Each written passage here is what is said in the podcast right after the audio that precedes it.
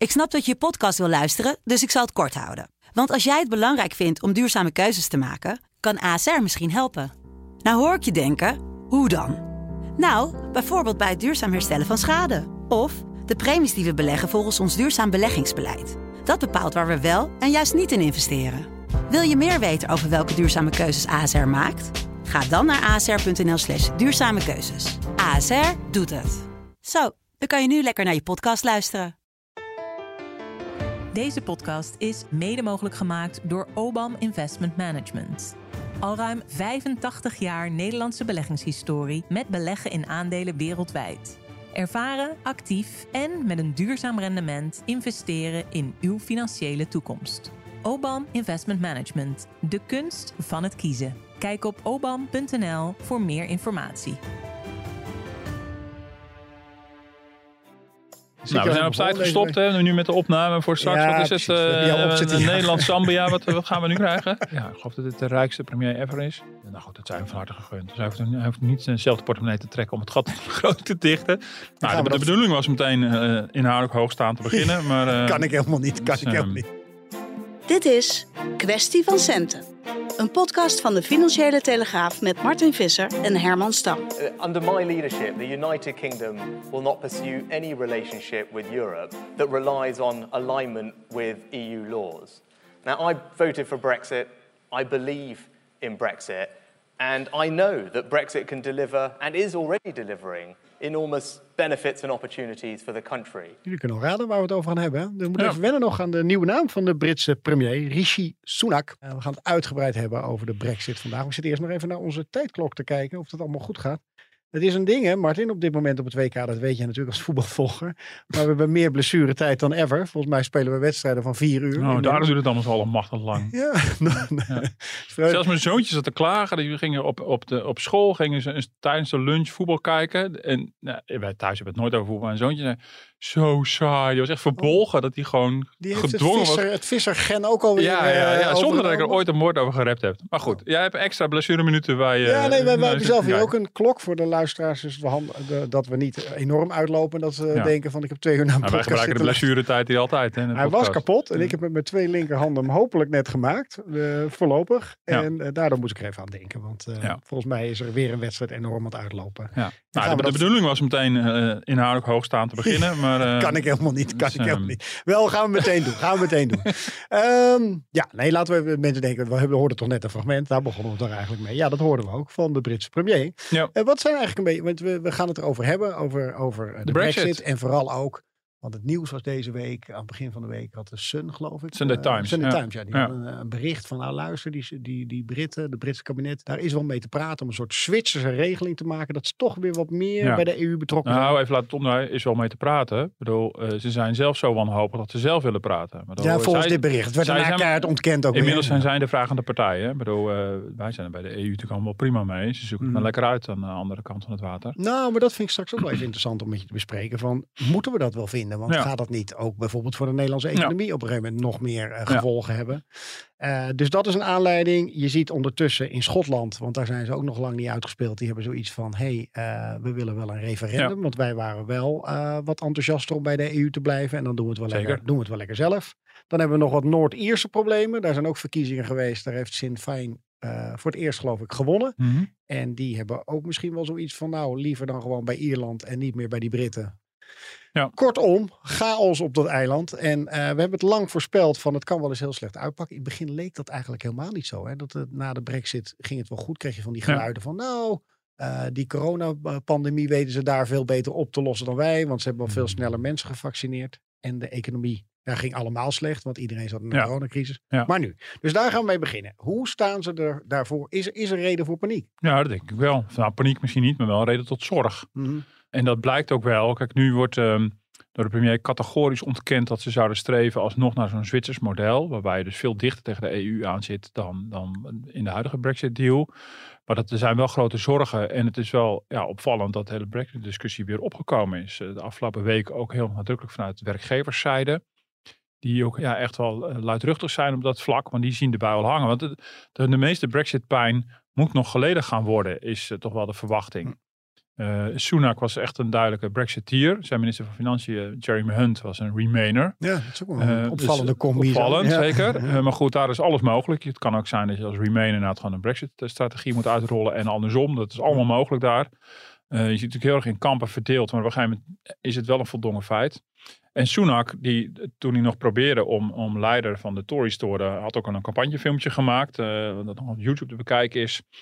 Waarbij je um, uh, onder de melodie van de, de negende van Beethoven, dat is het Europese volkslied, ja. uh, uh, zie en hoor je allerlei papier door de shredder gaan. En hij belooft dan dat er binnen een paar maanden tijd alle 2400 EU-regels vernietigd zullen worden. Maar dat betekent dat zijn allemaal regels over, over voedselveiligheid en over nou, waar allerlei waren aan moeten voldoen. Nou, dat zijn tal nou, van Europese regels. Volgens mij hebben ze, dat maken ze altijd lekker zo groot in Engeland ook. Dan hebben ze het vooral bijvoorbeeld over de tampontax. Dat vinden zij dan een typisch voorbeeld van belachelijke EU-wetgeving. Ja, maar het, kijk, het beeld is natuurlijk geweest, dat gaan we allemaal afschaffen. Maar de, maar, maar de realiteit is dat je dat moet omzetten in Britse wetgeving. Dus dat is een enorme klus om dat allemaal om te zetten. En daar zijn bijvoorbeeld werkgevers heel angstig voor.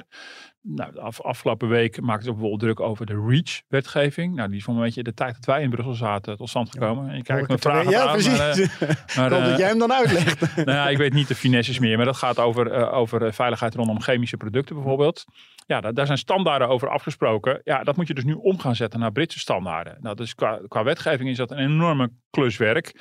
Ja, en de Britse bedrijven zijn toch ontzettend bang dat, uh, dat, dat ja, uh, dat er in die nieuwe wetgeving op allerlei manieren wordt afgeweken van de EU-wetgeving. Terwijl als je gaat handelen met de EU, moet je wel weer voldoen aan ja. de EU-regels. Je kan niet zomaar volgens je eigen standaarden allerlei producten gewoon uh, gaan zitten exporteren.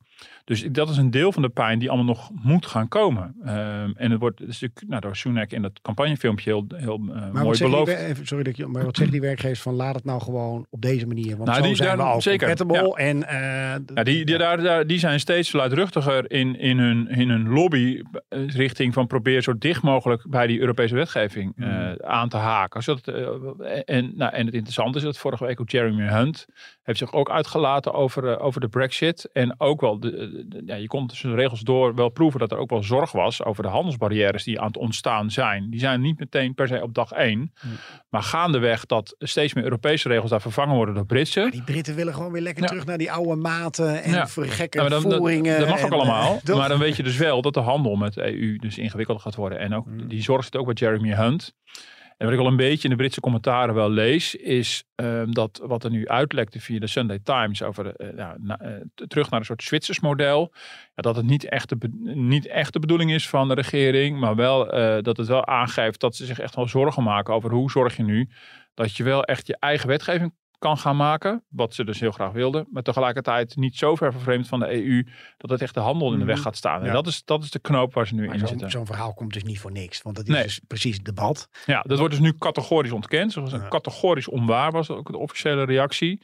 Ehm, maar ik, ik lees al voldoende over de Financial Times en zo. Dat, dat, dat, dat deze, deze dilemma's en deze vragen spelen ook bij Sunak. Echt niet alleen maar bij deze ene official die het, die het gelekt heeft. En Ja. het is dus de vraag of er echt, echt gestreefd wordt naar dit model.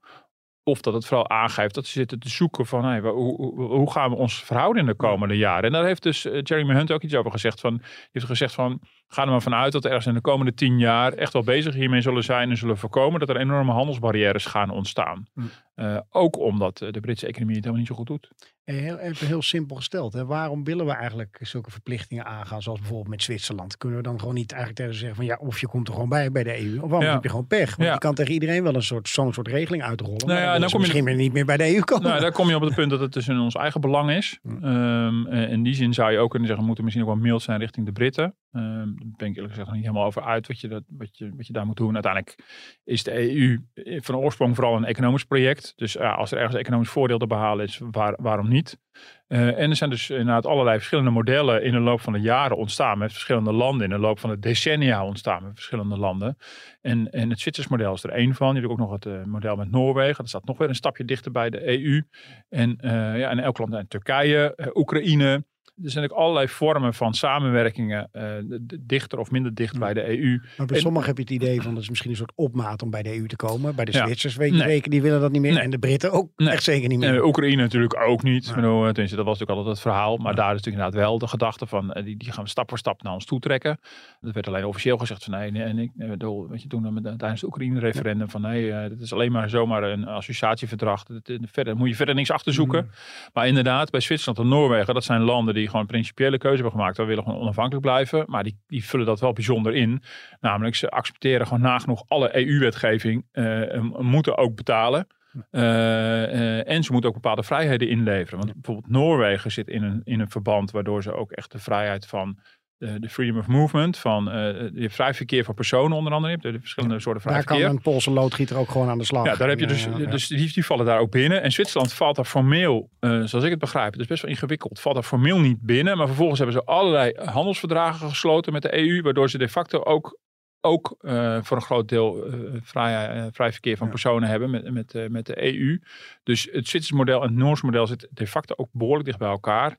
Ja, het is vloek in de kerk als, als er wordt gezegd dat de Britten dat dan ook willen. Want dan zouden ze zich dus moeten gaan committeren aan allerlei Europese wetgeving ook zich moeten ondergeschikt moeten maken aan het Europees Hof van Justitie. Nou, dat zijn dingen, ja, daarvoor is het allemaal veel te vers. Er zijn gewoon nu allerlei politici nog actief die, die zich daar nadrukkelijk tegen verzet hebben. Ja, precies, want je schetst het beeld van uh, een minister van Financiën die dan, die dan misschien een remainer was, maar eigenlijk is gewoon die conservatieve partij nog vol in een brexit-stand, ja. toch? En, ja. daar, en die hebben gewoon de overhand. Zeker. daar moet naar geluisterd worden. Maar het ingewikkeld is natuurlijk dat ze natuurlijk beloofd hebben en dat het ook, Europe dat het ook economisch voordeel zou gaan geven. Mm. Nou, dat heb ik altijd een hele merkwaardige belofte gevonden. Maar eh, mijn idee was, ja, als je nou om principiële redenen gewoon weer politiek gezien het heft in eigen hand wil nemen, nou dat is je goed recht, prima, doe maar. Je zit niet in de euro, dus is het relatief makkelijk.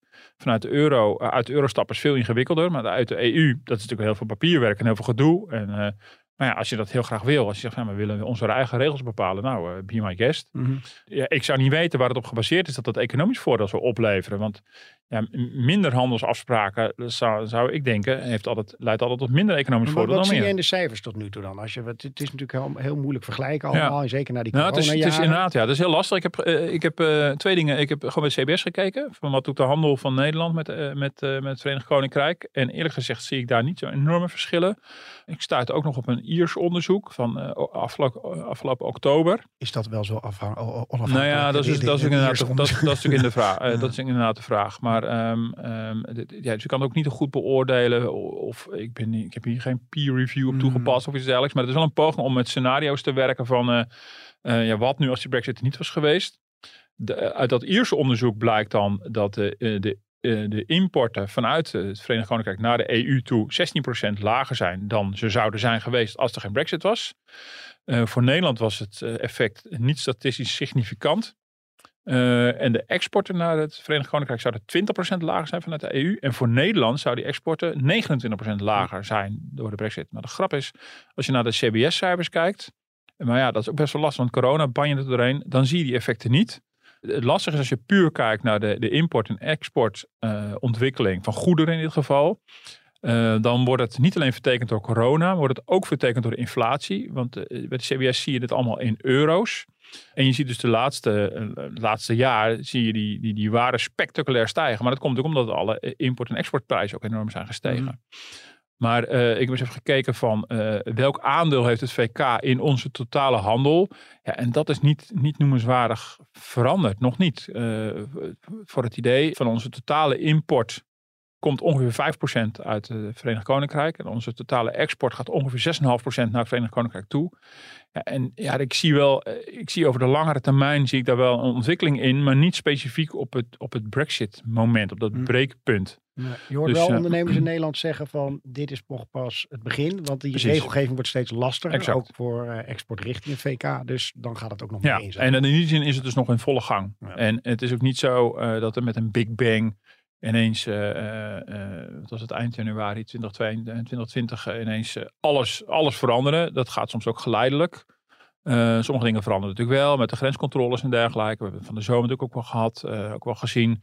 Eh, dat er eh, tussen Frankrijk en Engeland daar was, waren ook spanningen. Ehm, overigens waren die er voor Brexit ook wel regelmatig. Ik heb wel eens een keer in een gruwelijke file gestaan eh, eh, bij Dover eh, weer terug naar, eh, naar het vasteland. Eh, allemaal voor Brexit. Eh, dat was ook, eh, was ook geen Mhm. pretje. Dan sta je daar met, met kilometers vrachtwagens in de file. Dus eh, eh, het was natuurlijk al zo dat, dat, eh, eh, dat, dat eh, Engeland zat niet bij de Schengenzone. Dus er wa- waren al, sowieso al redenen af en toe voor extra grenscontroles.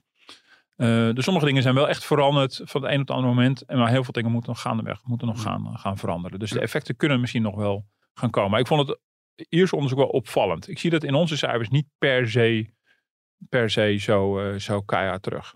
Hey, ehm, wat een van de grote voordelen zou zijn, volgens de Brexiteers, is van luister, we hebben het zelf weer in de hand hoe het Ja. met migratie gaat. We kunnen eh, de, de, onze, onze eigen grenzen bewaken. Eh, hoe, hoe goed loopt dat? Want daar kan je aan de ene kant wel een beetje jaloers Ja. op zijn, want we zitten hier natuurlijk ook met best wel grote problemen op Ja. asielgebied. Ja. Hebben ze het nou in het VK beter voor elkaar? Nou ja, het is nog steeds een debat daar. Of dat, ehm, eh, of dat nou, er zijn wel recent ook weer, eh, zijn weer ontmoetingen geweest tussen dus Verenigd Koninkrijk en Frankrijk. Die banden sinds het aantreden van Sunak lijken wat warmer te zijn dan daarvoor. En dat gaat onder andere daarover. Dus de grensovergang tussen Frankrijk en, eh, en Engeland. Ehm, en het is inderdaad, ik bedoel, ze zijn geen onderdeel meer van, van, de, van het vrij verkeer van personen. Dus dat zou, dat zou ze meer eigen bevoegdheden moeten geven. Een van de belangrijkste argumenten was dat eh, destijds in de. Brexit-campagne. Ook eh, het Verenigd Koninkrijk is gebonden, net als Nederland, aan allerlei internationale verdragen natuurlijk. Maar dat is weer wat anders dan dat je echt in een EU-verband eh, eh, afspraken moet maken. Ehm, eh, dus in die zin hebben ze wel meer zeggenschap. Maar die worsteling is er nog steeds. Eh, overigens ook de andere kant op. Ook daar zijn de werkgevers vocaal. Want die, die hebben ook daar tekorten. En die willen ook arbeidsmigranten hebben. Dus Ja. Het is wel goed dat je zegt. Veel mensen vergeten dat. Hè? Dat het wel een van de belangrijkste redenen was voor mensen om voor Brexit Ja. te stemmen. Want dan kunnen we dat zelf bepalen. Maar dan wil je wel zien dat het resultaat heeft. En, ik zat zelf ook even met je mee te kijken met die cijfers. Maar volgens mij, ja, dat is dus allemaal moeilijk peilen. Want ze zeggen ook van ja, er is een grotere stroom uit Hongkong gekomen door de onrust daar. ja. Dus ja, dat... En sowieso zijn natuurlijk de cijfers van 2020 en 2021 vertekend door corona. Ja. Want ook in Nederland zag je natuurlijk eh, dat, eh, dat de migratie natuurlijk in die twee jaren echt eh, heel, heel hard daalde. En nu zien, kunnen we weer een beetje de stand opmaken Mhm. in, de, in, in dit jaar over wat, in welke mate we de trend van voor corona weer oppakken. Nou, dat is in Nederland ook, ook een, een uitgebreid debat op dit moment. Eh, dus, maar het is natuurlijk wel zo dat, dat eh, ja, de Britten dat nu wel meer in eigen hand hebben. En dat wel in ieder geval zelf kunnen bepalen. En als ze vinden dat het toch te hard gaat met migratie, dan, dan kunnen ze in ieder geval zelf aan de bel trekken. Ja. Dan zijn ze niet meer afhankelijk van de Europese Unie. Even naar die, eh, de, we gaan naar een, nou, dit, dit heb je altijd heel goed in je hoofd zitten. De, de Noord-Ierse problematiek. Daar hebben we het ook wel eens vaker over Ja, gehad. Hè? ja. Want daar wordt ook nog wel de, de, de laatste stand van, er moet uiteindelijk een oplossing komen. Ja. Er is een soort tijdelijke deal gemaakt Ja. voor dat gebiedje. Even voor de luisteraar, maar die weet het vast wel. Ierland en Noord-Ierland aan Ja. elkaar. Noord-Ierland eh, hoort bij het VK. Ja. En die grens, daar Ja, is de steeds... Zee is de grens tussen, tussen die twee eilanden, zeg maar. En om die reden rommelde het sowieso al eh, rondom de Brexit. Ook bij de, bij de vorige twee premiers. Ehm, en waren er ook, eh, de- er gingen nog steeds meer stemmen op om de afspraken met de EU op, op dat punt ook weer te wijzigen. Eh, want dit bleek de, uiteindelijk de ingewikkeldste knoop eh, te zijn. Alle andere dingen zijn op te lossen. De hele wetgeving, dat kost allemaal heel veel tijd, heel veel gedoe. en weet ik wat allemaal, heel veel papierwerk. Handelsbarrières, eh, allemaal. eh, maar, maar dit was echt een probleem. Want eh, er waren natuurlijk redenen om tussen Noord-Ierland en Ierland geen dichte grens te hebben. Vanwege de spanningen daar eh, uit het verleden ook. En er was natuurlijk reden om De, de, tussen... de, de, de Goede Vrijdag akkoorden Ja. van hè, het is Ja, eindelijk rustig precies. daar. En voor je het weet is weer vlam in de pan. Ja, Ja. En, eh, maar ja, eh, de- ja, maar als de VK niet meer bij de EU hoort, ja, dan, eh, en, en het Verenigd Koninkrijk wil graag gewoon ook zelf die grenzen eh, bewaken. Eh, nou bijvoorbeeld vanwege die migratie, maar ook vanwege de handel. Mhm. Als er gewoon handelsbarrières zijn, dan, moet- dan nou, die, die, de grens is de plek waar die barrière plaatsvindt. Daar moeten de, de goederen worden geklaard en dergelijke. Ja, dan komt die grens dus automatisch te liggen tussen Noord-Ierland en Ierland. Dat lijkt me nogal logisch. Mhm. Maar vanwege, vanwege de Goede Vrijdagakkoorden was dat onhaalbaar. Dus is er een manier bedacht om dan een soort van grens te maken tussen Noord-Ierland en de rest van het Verenigd Koninkrijk in de Ierse Zee. En dat is ook eigenlijk heel onwenselijk. Dat is ook een hele rare uitkomst geworden voor de Britten. Eh, want die hebben dus een grens gekregen in hun eigen, in hun eigen land. Bedoel, hoe raar is dat? Maar ja, dat hebben ze van tevoren niet hadden ze goed over zoiets van, nagedacht. we moeten hier wel mee gaan werken, want voor het weet krijgen wij de schuld ervan dat het Ja. daar weer. Qua Ja. geweld, toch? Alleen nu, nu, zie je, nu ga je natuurlijk wel zien, dat heeft natuurlijk ongewenste effecten. Het is natuurlijk heel raar dat, je, dat, je, dat er wel een soort vrij verkeer van goederen, een soort van vrij verkeer van goederen is tussen Ierland en Noord-Ierland, maar niet Mhm. tussen Noord-Ierland En, eh, en, en Engeland en Schotland. Maar dan, eh, dat, is natuurlijk, dat is natuurlijk heel merkwaardig. Dus dat, dat blijft altijd een soort second best oplossing. Maar hoe moet je dat oplossen? Want, ja, eh, niet. Nou, dat, kan, dat is niet. Ik bedoel, je kan niet en wel, en dat, dat heb ik steeds gezegd, je kan niet en wel een grens hebben en niet een grens. Dat Mhm. is wat ze willen. We willen een grens, maar toch ook weer niet. Ja, bij Dat de, gaat- EU, dat bij gaat de EU niet. zeggen ze geloof ik van ja, maar het is maar een aantal vrachtwagens die we Ja. controleren. Want het gaat alleen maar om medicijnen en dat soort dingen. Of veevervoer en Ja. alles. Dus ja, maar ook, de, ook, maar ook de EU heeft natuurlijk belang bij dat die grens, waar die grens op neergelegd wordt, dat die grens wel dicht gaat. Mhm. Eh, en natuurlijk niet in de zin van dat er een enorm hek wordt neergezet, zo niet. Maar wel dat je ergens nog kan handhaven, eh goederen die in en uitgaan, of die voldoen aan de standaarden die in, in beide regio's gelden. Ja. Want anders wordt, wordt het een soort van smokkelroute, zeg maar, tussen Maar Ierland is en dat dan een Noord-Ierland. plek waar enorm veel handel heen en weer gaat? Dat, dat vraag ik me Nou, en dat wil je denk ik vooral voorkomen. ja. Nou, eh, ja, precies. Dat, is- ze dan is- juist daar het gaan zoeken. Ja, Precies, ja, dus dat is precies, want anders heb je een soort gat. Bedoel, we hebben natuurlijk een Europese grens, de grens van de, van de Europese Unie. En dan zou je daar dus een gat hebben in die grens. En dat zal, zal natuurlijk niet gelden voor, de, voor, voor vluchtelingen en migranten. Want die gaan, die gaan natuurlijk niet via de Middellandse Zee, helemaal via Ierland. Dat, dat, dat, ik kan me dat nauwelijks voorstellen, ik gezegd. Ik bedoel, dat, is, dat is eh, geografisch niet wel echt een enorme omweg. Mhm. Daar zal niet de eerste zorg liggen. De eerste zorg ligt toch echt gewoon over de, de, de, de import en export van, eh, van goederen. En dat het, dat het een soort lek is in onze Europese buitengrens. Ja. En dat moet je niet willen. Ja, het is, ja, de EU heeft het altijd een beetje gezegd. Ja, dat is ook vooral een probleem van de Britten. Behalve dan, dan dat de EU er ook belang bij heeft dat die Goede Vrijdagakkoorden in stand blijven. Want daar zit natuurlijk het Ierse belang dan weer. Mhm. Want Ierland als lidstaat van de Europese Unie wil natuurlijk daar niet gesodemieter hebben. Dat er die spanningen weer oplaaien. Maar praten ze hier überhaupt nog over? Of hebben ze Ja, je moet, je moet op een gegeven moment ook wel een soort definitieve oplossing voor worden gevonden. En, eh, en, en de vorige regeringen die, die, die zaten er op de koers om, eh, om te kijken of die grens toch weer verlegd kon worden van, eh, van, van de Ierse Zee naar, naar de, tussen Ierland en Noord-Ierland. Mhm. Op een manier zodanig dat dat niet weer die spanning in Noord-Ierland zou, eh, zou gaan voeden. Eh, dus, dus ja, dit, dit, dit ligt natuurlijk wel op tafel. En in die zin, als je, als je toegaat naar een Zwitsers model, wordt het natuurlijk alleen maar makkelijker. Als je natuurlijk heel veel vrijheden weer introduceert over de handel en over En dan hoef je ook minder zorgen over dat grensgebied te maken. Exact. Dan, eh, Dus, eh, dan is dat- is dat- wel in orde daar. Ja, dan is het veel minder een, eh, veel minder een issue. Maar ja, dan, dat betekent wel weer dat je dus moet gaan voldoen aan EU-wetgeving. Dat je weer met de Europese rechters te maken hebt. En dat wil dus natuurlijk natuurlijk niet. Moet je gaan Heb betalen. Je, heb je een voorbeeld waar je dan bijvoorbeeld bang voor moet zijn als EU zijnde, wat ze in het VK dan willen gaan doen, waar wij, van denken van, oh Getver, dat vlees is totaal niet Nou, betrouwbaar. Of, Nee, ik, ja, dat kan op allerlei vlakken zijn. Dat kan Ja. te maken hebben met, eh, met de voedselveiligheid. Eh, dat is eigenlijk het eerste waar ik aan denk. Het is ook ingewikkeld natuurlijk dat je... Het is, het is ook een beetje moeilijk te, te voorzien van tevoren tot welk effect dat gaat leiden. Want het Verenigd Koninkrijk wil natuurlijk ook allerlei handelsakkoorden gaan sluiten met andere landen. En gaat dus ook met, eh met, met Amerika en met de Canadezen, maar wie dan ook met allerlei andere landen allerlei standaarden afspreken. En het is dus niet alleen een gat in de, in de grens met het Verenigd Koninkrijk, maar dan mogelijk ook een gat in de grens met allerlei andere regio's in de wereld. Mhm. Dus het kan op al. En nou goed, met de, de Amerikanen hebben we natuurlijk enorm het gedoe gehad over de, over de chloorkippen en, Ja. en dat soort dingen. Dus voedselveiligheid is natuurlijk wel het eerste waar je aan denkt. Ik weet niet of dat het grootste probleem is per se. Het gaat natuurlijk vooral om dat, ja, dat, dat, dat de standaarden eh, niet gelijk zijn in beide landen. En, en Verenigd Koninkrijk heeft wel de, helemaal de, de, eigen vrijheid om het met elk deel van de wereld zelf een handelsverdrag te sluiten. Dus je Ja. zit ook met, met dat probleem. Wat is jouw idee ervan hoe het nu in de, in de Londense City gaat? Want ze hadden natuurlijk eerst een beetje een grote mond van nou, we trekken heel wat bedrijven deze kant Ja. juist op, want Ja. dan hoef je niet die EU-regelgeving. Hoe staat het er nu voor?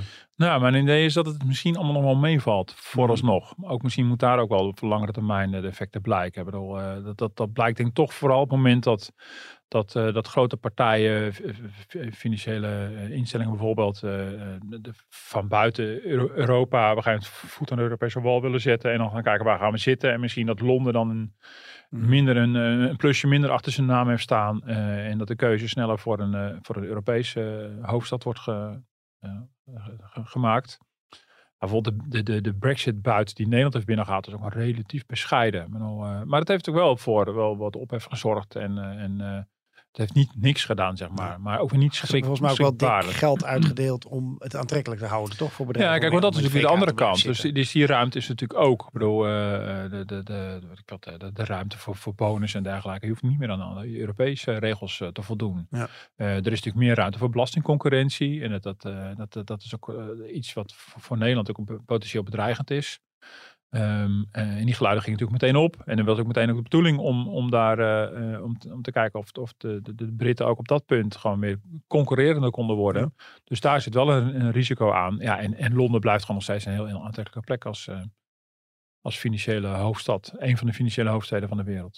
En nou had eh, de, de, de voorgangster van eh Sunak, eh, Liz Truss, hele wilde plannen qua belastingen. Ja. Vooral enorm verlagen voor, voor de wat rijkeren. Ja, Sunak die doet dat niet. Maar Nee. hoe, hoe gaat hij er nou voor zorgen dat die economie goed gaat lopen daar? Wat, wat, valt je op qua plannen dat je denkt, nou dat is nou slim, dat denkt Nederland nog niet aan. die voorbeelden zie ik nog niet. Ik zie het vooral echt in het licht van, van reparatie. En ik denk dat Sunak vooral bezig is geweest om, om, om te repareren wat, wat zijn voorgangster eh, verknoeid had. Ja, in hele korte tijd. In vrij korte tijd, wat op zich een prestatie is. En overigens deed ze ook voor mij keurig wat, wat ze had beloofd van tevoren. Dus de partij wist dat ook. Maar het Mhm. interessante is dat eigenlijk exact het tegenovergestelde doet. In plaats van de belasting te verlagen, gaat hij ze verhogen. En in plaats van eh, een gat in de begroting te laten ontstaan, zoals Liz Truss deed, gaat hij bezuinigen. Mhm. En ehm, nou, ik denk niet dat we meteen in Nederland moeten zeggen, we, we moeten gaan bezuinigen. Maar op zich, ehm, nou ja, maar ik denk wel, wat ik wel opvallend is, ik denk dat de, de, wat er in, eh, eh, daar is gebeurd, is ook wel een lesje voor ons in Nederland, maar vooral in Europa, eh, dat de, de, het sentiment op de financiële markt het best wel snel om kan slaan. En dat hebben we daar natuurlijk in extreme mate gezien. Je ziet dus nu ook dat het, dat het vertrouwen weer, weer een beetje terug begint te komen. Niet maar, de wilde dingen doen. Beetje, Nee, ja. eh, ongedekte checks. En dat is Nederland natuurlijk ook wel druk mee bezig, met ongedekte checks. Nou, denk ik niet dat Nederland ogenblikkelijk in een gevarenzone zit op de obligatiemarkt. Eh, dan zal toch eerder naar Italië en dergelijke worden gekeken. Mm. Maar het is wel een duidelijke les geweest. En in die zin zou je wel daarnaar kunnen kijken van nou, het is toch wel opvallend dat ze, dat daar, eh, dat, dat, dat ze daar toch wel bezig zijn, die, die begrotingsdiscipline weer in ere te herstellen. Iets waar mevrouw Kaag voorlopig nog niet aan toe komt. Want die Mm. heeft ja, een heel algemene bewoordingen iets over gezegd op het D66-congres. En vervolgens eh, moeten we ergens tot diep in het volgend voorjaar wachten tot, eh, tot daar het, eh, het gat van 7,5 miljard op de begroting wordt gedicht. Hm. Dus dat doet Soenek wel beter. Maar dat doet hij niet omdat hij denkt van ik ga mevrouw Kaag eens aftroeven. Dat doet hij vooral om de ellende van Liz Truss op te, Ja. En omdat hij ook, hij zelf ook achtergrond hè, als eh, minister van Financiën. Ja. En ik denk dat hij gewoon heel erg daarin gelooft, toch? In het plan. Hij kan, Ja. Misschien kan hij zelf nog wel bijleggen. Ik geloof dat hij wel redelijk eh, zelf goed in de slappe was zit, toch? hij- En, Of vooral zijn vrouw, eh, zijn eh, vrouw is, vrij, is, ja, is, is vrij rijk. Maar ja, ik geloof dat het de rijkste premier ever is. Nou goed, dat zijn hem van harte gegund. Dus hij hoeft, hij hoeft niet zijnzelfde portemonnee te trekken om het gat groot te dichten. Maar het is wel opvallend natuurlijk dat een... een, een, een ja, je had natuurlijk twee, twee kandidaten die opteren voor deze post. Eerst is het ene geworden, toen werd het de andere. En ze doen allebei exact het tegenovergestelde Ja. qua financieel En ze beleid. zijn wel van dezelfde partij. Ja, en ze zijn wel van dezelfde partij. Dus dat is echt heel wonderlijk. En ze hebben gewoon de steun van, hun eigen partij ervoor. Dat is echt heel opvallend. Maar de rust is weer gekeerd. En het, het is een belangrijke les geweest. Je ziet ook eh, bijvoorbeeld het Centraal Planbureau in Nederland, de Nederlandse Bank. Die, die verwijzen ook expliciet naar, eh, naar de Britten. Eh, eh, ook het Centraal Planbureau heeft ook al, meerdere analyses aangegeven. Kijk nou uit. Je ziet aan de Britten hoe snel het kan omslaan. Dat kan ook een risico voor de eurozone zijn.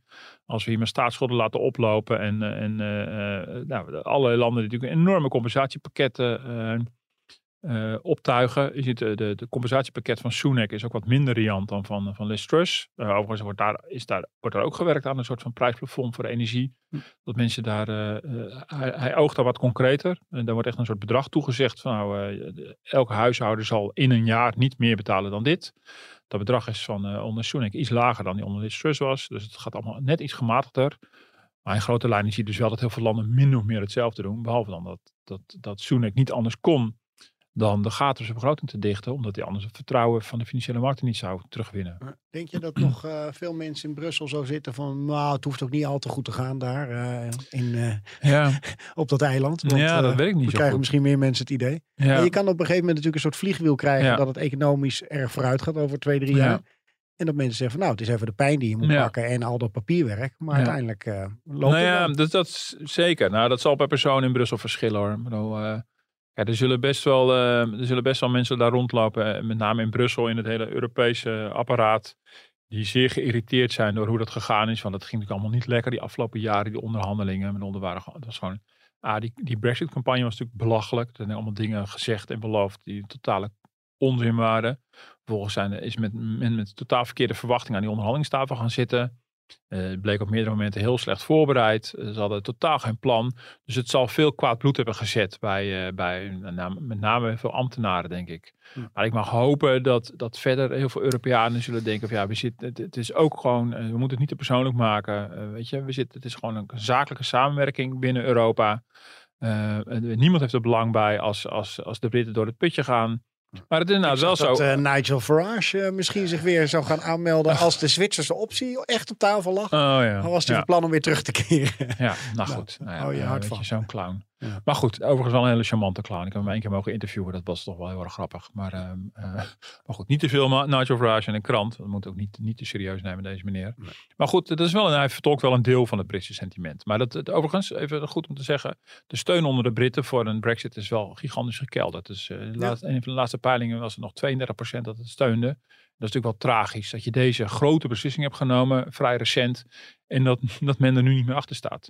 Maar het is wel zo. Maar, dat, goed, ik, de- even om voor, maar om voor ze op te komen. eh, dit kon je ook niet voorzien dat je een coronacrisis zou krijgen en een energiecrisis. nee, Dus er zijn wat verzachtende omstandigheden. Misschien hadden ze er wel een stuk beter voor gestaan. Ja, nou ja, dat zou, dat zou kunnen. En je hebt kans, dat bedoel je te zeggen, dat de ellende nu geweten wordt aan, eh, aan, aan de brexit. Ja. Terwijl het eigenlijk van corona komt. Ja, Ja, ja. misschien.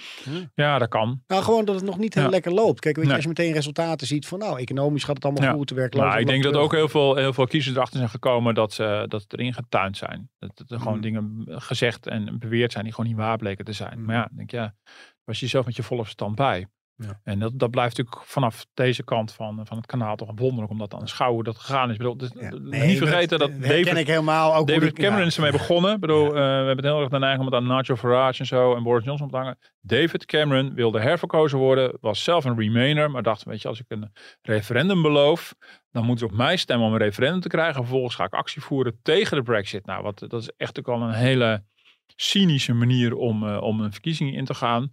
Ja, en hij heeft er gewoon gekregen wat, eh, wat, wat hij verdiende. En, eh, Hoe gaat en het met hem eigenlijk? Hebben we daar nog wat van ik wil er gehoord? niks van weten. Ik vind het echt zo ontzettend onverantwoordelijk. Bedoel, het, is prima als je als politicus je, je pleit voor een referendum. Maar het is heel cynisch als je pleit voor een referendum waar je zelf op tegen bent. Dat is echt heel merkwaardig. En dat je dat alleen maar doet als een instrument om herverkozen te worden. Eh, het- Ah, goed, ik herken nou, ook heel erg wat je zegt over die tijd dat wij in Brussel zaten met eh, de Britse correspondenten. Dat eigenlijk altijd gewoon alles was uh, blame de EU eh, Ja. voor, eh, voor Ja. van alles en nog. En dat, Ja. dat, die troef is natuurlijk nu weg. Nu moet je Ja. het echt zelf oplossen. Zeker, ja. ja. En dan, eh, Het is natuurlijk ook niet zo dat alle economische ellende nu meteen één op één aan brexit toegeschreven kan worden. Overigens, ja, weet je, de energiecrisis en de coronacrisis, die kregen we allemaal over ons heen.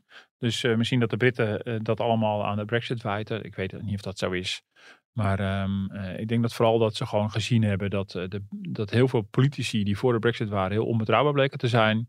Ehm, en dat de schellen van de ogen zijn gevallen. Maar nu is het te laat. Ja, dat is wel duidelijk. Want dit, gaat, dit komt niet zomaar weer goed. In die zin van, ook dat Zwitserse model, ik zie dat voorlopig niet gebeuren. ja. ja, ik hoorde iemand op de radio zeggen dat het is een soort pendulebeweging bij, eh, in, eh, in Groot-Brittannië. Aan de ene kant vinden ze natuurlijk niet dat ze bij Europa horen. Dus dan zijn ze nu helemaal blij. Maar dan langzaam komt hij weer terug. En die Ja. discussie is al eeuwig zo. Ja, maar dat wordt ook een hele kluif. Stel dat ze ooit. ik Bedoel, eh, ik bedoel, eh, er zijn nu te veel politici die, eh, die hun lot verbonden hebben aan die Brexit in het verleden. Die eh, allerlei beloftes hebben gedaan. Die dus sowieso niet de Zwitserse variant kunnen gaan kiezen. Dus dat is kan nou laat staan dat, de- dat de pendule zo ver doorslaat dat ze weer het lidmaatschap van de EU gaan aanvragen. Nou, ik denk dat Maar mag eerst- dat überhaupt nog een keer? Ja, natuurlijk. Ja, bedoel, dat zou wel Ja. bijzonder zijn. Ja, voor mij is er geen enkele artikel eh, dat, dat, Hm. dat dat tegen zou houden. Maar ik denk dat er eerst heel veel mensen dood moeten zijn voordat dat kan. Bedoel, eh, dat, dat gaat voorlopig niet gebeuren. Eh, ja, daar zijn toch te veel eh, eh, politieke levens mee gemoeid, zeg maar. Dus dat, dat, gaat, dat gaat echt niet gebeuren. Kunnen we nog heel even naar, eh, tot slot naar Schotland? Ja, Want, eh, het mooie Schotland. Zijn, Ja. ja, precies jouw, een van jouw favoriete vakantieadressen, Zeker, toch? Ja. Eh, buiten dat, maar die eh, willen eigenlijk nu ook wel een referendum Ja. om juist eh, zich van eh, het VK af te, te, te kweken. Ja, ja, ja, die hebben natuurlijk al eerder een referendum gehad. En eh, eh, dat, dat werd nipt verloren. In die zin dat de Sch- de Schotten dus binnen de Verenigd Koninkrijk bleven. Ja, kijk, de tragiek voor, voor, voor Schotland is dat, eh, dat de Schotten in een ruime meerderheid tegen de brexit waren. Maar nu ja, meegezogen zijn in de brexit tegen hun eigen, eh, tegen hun eigen wil.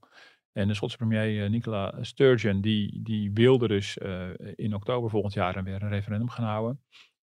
over Britse, de Schotse onafhankelijkheid. En dat een soort opstap naar EU-lidmaatschap. Ik denk dat ze met open armen zouden worden ontvangen in Mhm. Brussel. Schat ik zo in. Maar goed, ze hebben een zaak bij, het, bij de rechter verloren. En eh, dat gaat erover of Schotland op eigen houtjes een referendum gaat schrijven. Nou, dat, dat mag dus niet. Dat moet het Britse parlement ook mee, eh, het Engelse Ach. parlement ook mee instemmen. Hm. En ehm, ja, dus, dus ja. Echt En bij de vorige keer dachten ze, we doen het wel, maar nu zijn ze te bang om het uit te laten schrijven. eh, te ja, dus, dus nu is het gewoon is het juridisch tegengehouden. Dus nu, dus nu kan het niet. Dus dat, dat broeit daar ook nog. En ehm, ja, dat, voor die Schotten is dat wel treurig. Dus trouwens ook met de verkiezingen in Noord-Ierland, hè, die ook nog tegengehouden worden volgens mij. Ja. Eh, ja. Dus ja, je ziet hoe ingewikkeld. Ja, dat heeft ook specifiek met het model van dat land eh, te maken. Eh wat ik altijd mijn kinderen moet uitleggen. En dan ook bijna niet uitkom van het Nou, zijn dat doe jij gezellig Ik- als ze op de achterbank zitten richting Schotland. Nou, nee, Papa gaat wel. even vertellen hoe het Nee, allemaal ja, mijn Schotland kinderen zijn allemaal zo leergierig. Die willen het allemaal weten. Die willen het allemaal snappen. En ja, waarom, waarom hoe Schotland en Wales eh, hebben die eigen voetbalteams en Ja. zo. En, eh, terwijl Ja. het helemaal geen landen zijn. En Nou, op dat, de Olympische is Spelen is het ja. weer één land. Het is, eh, Dus dan ga ik allemaal uitleggen hoe dat zit bij voetbal. Leuk. Eh, Zie je, dat WK stond er ergens goed voor. zeker. Maar Wales heeft volgens mij net eh, verloren, als ik het eh, eh, goed meekreeg. Ja. Dank. Nou, dan doen we nog eventjes eh, de rondvraag. Nou, eh, wil, wil- je het nog even verder over het WK hebben? Of, eh, heb Nee, je- nee, ik heb veel, veel iets leukers. Oh, vertel. Ik heb iets, eh, nou, dit is een mijlpaal komende week. Aanstaande woensdag is het exact 40 jaar geleden dat Thriller uitkwam van Michael Jackson. Oh, ja. Maar dat is mooi. Dus, eh, het rode leren jasje, het Ja. dansje. want dat was geweldig. Nou, ja, ik Ik ben had iets, je niet ingeschat als een, eh, als een fan daarvan. als een fan. Nou, ik ben niet per se, nou ja, fan, fan. Ja, ik ben niet per se een, nou ja, toch, ja. Ik vind het heel grappig zo- sowieso om te zien dat Michael Jackson al zo lang meegaat dat ook heel veel kinderen dat weer leuk vinden. Ik hoor dat van meer ouders. Mhm. Dus Michael Jackson is heel geliefd onder heel veel basisschoolkinderen. Dus mijn, kind, mijn kinderen ook. En dat Mhm. krijgen ze mm, van mijn beleving niet echt opgedrongen. Ik ben niet per se een enorme fan, maar wel een bewonderaar eh, altijd geweest. En ik kan me nog herinneren dat in 83 kwam die video uit van Thriller. Eh, ik heb even nagezocht. En die werd toen voor het eerst op Veronica vertoond. Ja. 14 minuten. Adam Curry. En eh, dat, dat, dat weet ik niet meer. En, eh, en eh, nou, dat was natuurlijk de tijd dat er alleen maar lineaire tv was. Hoe Mhm. weet dat? Dus je moest allemaal real-time kijken. En ik kan me nog wel herinneren dat je wist van zo en zo laat gaat het komen. Dan moet je voor de tv ja, zitten. ja, ja. Want dat was echt een evenement. Ja, dat is een beetje opa verteld. Maar ja, en ik had met mijn dochter van de week over van, die vroeg ik over van, weet je hoe oud die plaat is? En zei, nou, 20 jaar. Ik zei, nee, al 40 jaar. Oh, en toen begon zij te rekenen van, nou, was zo oud dat hij doodging.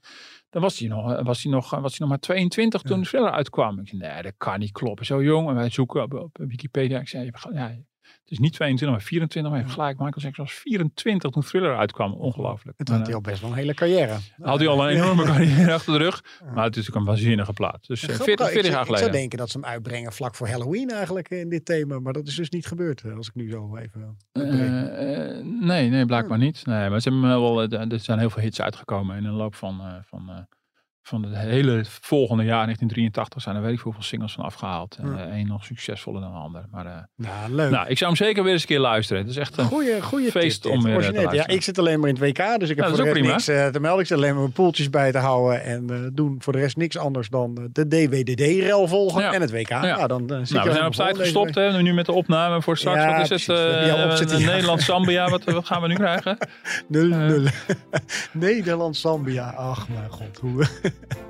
Ja, we hebben laatst tegen Senegal gespeeld, dus zo raar is het toch niet. nou zeg. Nee, nee, nee, maar dat je gewoon niet eens weet tegen wie ze zo meteen spelen. Dat vind ik gewoon... eh dus zulke mensen bestaan er ook. Dus, En die eh, bestaan dus schaam u niet. Heerlijk. Ik kan lekker straks in de auto stappen om vijf uur, want dan is het helemaal stil op de weg. Echt fijn. Wij gaan haast maken. Eh, dus ook snel afkondigen.